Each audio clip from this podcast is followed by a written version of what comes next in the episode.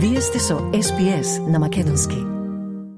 Во Софија деновиве се одржала нова работна средба на членовите на Мешовитата Македонско-Бугарска историска комисија, пишува Слободен печат. Прв по основањето на оваа комисија во 2017-та и македонската и бугарската јавност немаат информации што се случило.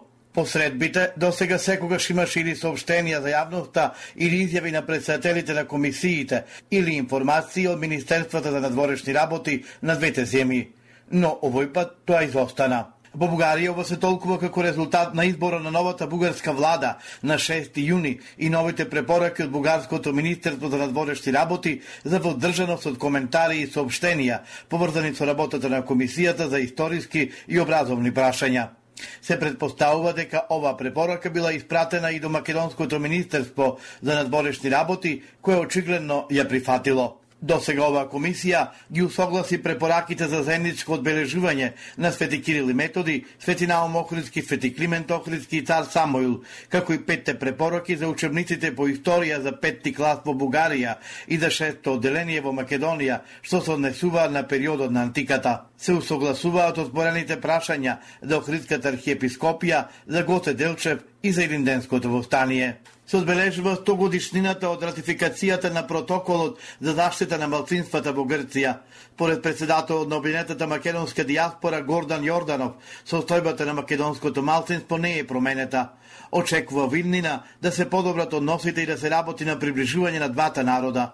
Фокусот го става на унапредување на економската соработка ниту по 100 години од ратификацијата на протоколот, се уште ништо не е имплементирано во Грција, вели за јавниот сервис Македонска радио телевизија, директорот на Обвинетата македонска диаспора Јорданов. Малцинствата се третираат како дел од грчкиот национален идентитет. Нема гарантија за одржување на традицијата, историјата, јазикот, не само на македонскиот, туку и на другите малцинства. Да се признае различноста не е закана за грчката држава, констатира Јорданов за МТВ. Дава забелешка дека држава се откажува од своето малцинство за разлика од Турција. Македонија со своето признавање на договорот од Преспа се откажува од своето малцинство, но гледаме дека договорот од Преспа го гарантира македонскиот јазик а, внатре во во Грција затоа што како што кажаа представниците има опити за креирање на невладини организации кои што ќе се залагаат за македонски јазик како дел од грчката историја, но судовите се изјаснуваат дека такво нешто не е можно заради тоа што македонскиот јазик е јазик на друга држава. Европската комисија работи на овој случај, вели Орданов, посочувајќи токму имплементацијата на договорот од Преспа од страна на Грција. Федералната унија на европските националности ФУЕН за прв пат објави документ на македонски јазик. Ова е историски ден за македонците во Република Албанија. Чувствувам огромно задоволство и радост со брошурата на работната група на словенските малцинства при ФУЕН за прв пат се објавува и на македонски јазик информираше Никола Ѓурѓај, председател на Македонското друштво Илинден од Тирана, а пренесе ТВ21. Брошурата содржи информации за 28 малцинства во Европа, меѓу кои се наоѓаат и информации за македонците во Албанија и Грција. Ѓурѓе вели дека првото издание на германски јазик од оваа брошура е отпечатено во декември 2019-та. Брошурата е на пет јазици, а сега и на македонски јазик и првпат на кирилично писмо. Воено за нас како македонци од Албанија многу значи што ова е исклучително важно издание на Фуен ќе добие онлайн верзија која ќе биде достапна до многу поголем број на заинтересирани лица за проблемите и состојбите со националните малцинства во Европа, посочува Ѓурѓај. Друштвото Илинден, член на ФУЕН од 16 мај 2015 и е дел од работната група на словенските малцинства, пренесува ТВ21. Академската заедница се повеќе настојува земјите од Западен Балкан што поскоро да се најдат во рамките на Унијата. Конфликтите на северот на Косово, во Палестина и Украина се нови безбедносни предизвици во односот на кои ЕУ треба да истапи сериозно, за да не дојде до понатамошни дестабилизации во регионов. Васко Нумовски од Академијата за европски интеграција од Скопје во изјава за Сител вели. Европската унија треба да биде свесна дека доколку не пристапи кон брз влез на државите од Западниот Балкан, ќе се зголеми потенцијалот за можни на тамошни дестабилизации во регионот, имајќи ги предвид сите оние процеси кои што се случуваат во нашето пошироко соседство и на европскиот континент. Панел дискусијата на Универзитетот Гоце Делчев во Штип на тема ЕУ и НАТО на Западен Балкан во контекст на новите политички и безбедностни предизвици беше во насока на развивање и подигање на научната мисла и развивање свест меѓу населението и студентите за вредностите на меѓународниот поредок. Македонија ќе има нови амбасадори во повеќе земји. Нов амбасадор на Македонија во Бразил ќе биде Игор Попов, дипломат од кариера. Професорот Никола Тупанчевски, поранешен министер за правда, заминува во Белград, а драматургот и писател Сашко Насев во Кина.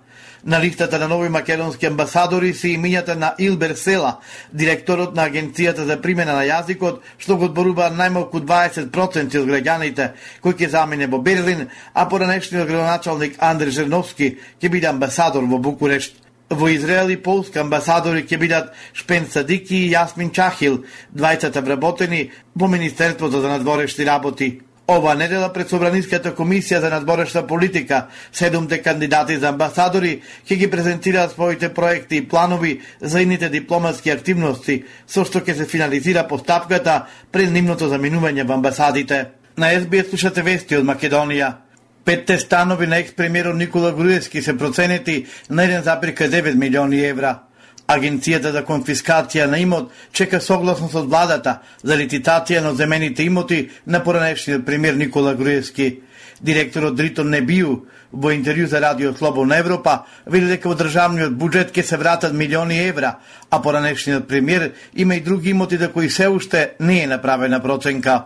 Во меѓувреме се уште не се продадени ниту третина од имотите на поранешниот шеф на управата за безбедност и контраразузнавање Сашо Мјалков, кои беа конфискувани од агенцијата за конфискација на имот. Не би увели дека му е чудно зошто процесот на продажба не започнал порано.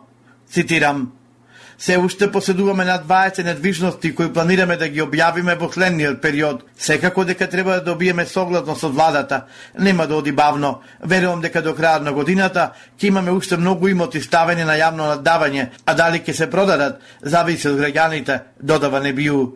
Ниту едно евро од 17 милиони евро од пресудата на Сејат Кочан за случајот Трансмен не е вратен во државниот буџет. Недвижностите се заложени во банките, додека движните ствари, како камиони и останато, ги нема во агенцијата за оземање на имот.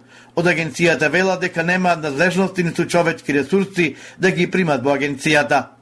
Агенцијата ќе ги продава и облеката и чантите на Бојан Јовановски, познат како Боки 13, кои се проценети на околу 650.000 евра, пренесува Алсад. Случајот Делчевски Ниви за кој јавното обвинителство се откажа да покрене обвинителен акт за опозицијската ВМРО ДПМН е монтиран случај. Тие бараат власта да се извини на ВМРО ДПМН, бидејќи како што велат, измислиле и монтирале непостоечки случај за Делчевски ниви беше споменувано дека и шефот на опозицијската партија Христијан Митковски бил директно мешан во овој случај, зашто тој во изјава за медиумите рече дека со тоа власта намерно гурива неговиот углед. Се обидуваат да го нарушат мојот углед, мојата чест, со тоа што континирано, рече си 6 години, објавуваат лаги, конструираат случаи и на таков начин мислат дека ќе обстојат повеќе на политичката сцена. Како од самиот почеток, така и заклучно со овој случај, каде што јас лично бев посочуван од високи функционери на СДСМ и нивните измекери слуги во, во опозицијата, дека сум бил замешан или не знам, преку тој случај се финансирала ВМРО ДПМН Овој предмет се однесуваше на купување земјиште од Евана електрани за изградба на фотоволтаични централи, кое како што беше наведено, било платено 40 на пати поскапо од реалната пазарна цена. Бресмртот се случи откако сведоците ги смениле своите искази. Последната нуркачка истражувачка експедиција на Пелистерското големо езеро, што е спроведоа нуркачите од Врело, им донесе големо изненадување. За прв пат снимија и документираа растение на дното од езерото, кој како што вели нуркачот Александар Ацев во изјава за Телма, во експедициите изминатите години никогаш не го забележале наликува на грбушка со должина од 30 до 50 сантиметри и не се совпаѓа со вегетацијата околу езерото, но за да се утврди за какво растение станува збор, ќе бидат потребни дополнителни истражувања во кои ќе бидат вклучени експерти. Значи, ова е единствено нешто што сме го виделе, пример, како жив организам друг што живее во надното од езерото. Карактеристично е што таа грмушка ја има само на некоја длабочина од 12 до 14 метри, и 14 метри е и максимална длабочина моментално на на езерото. И покрај напорите, нуркачите и овој пат не видоа ниту едно ендемско ракче и вела дека тоа е загрозено од рибите со кои пред неколку децении вештачки е порибено големото езеро. Но ното пак е како музеј под вода, затоа што крие голем број артефакти од двете светски војни, дури шишења со вино, што француските војници ги носеле на бојното поле. Големото езеро е глацијално езеро, се наоѓа на надморска височина од 1218 метри и едно од најатрактивните места во националниот парк Галичица. Стиснете, ми се допаѓа, споделете, коментирајте.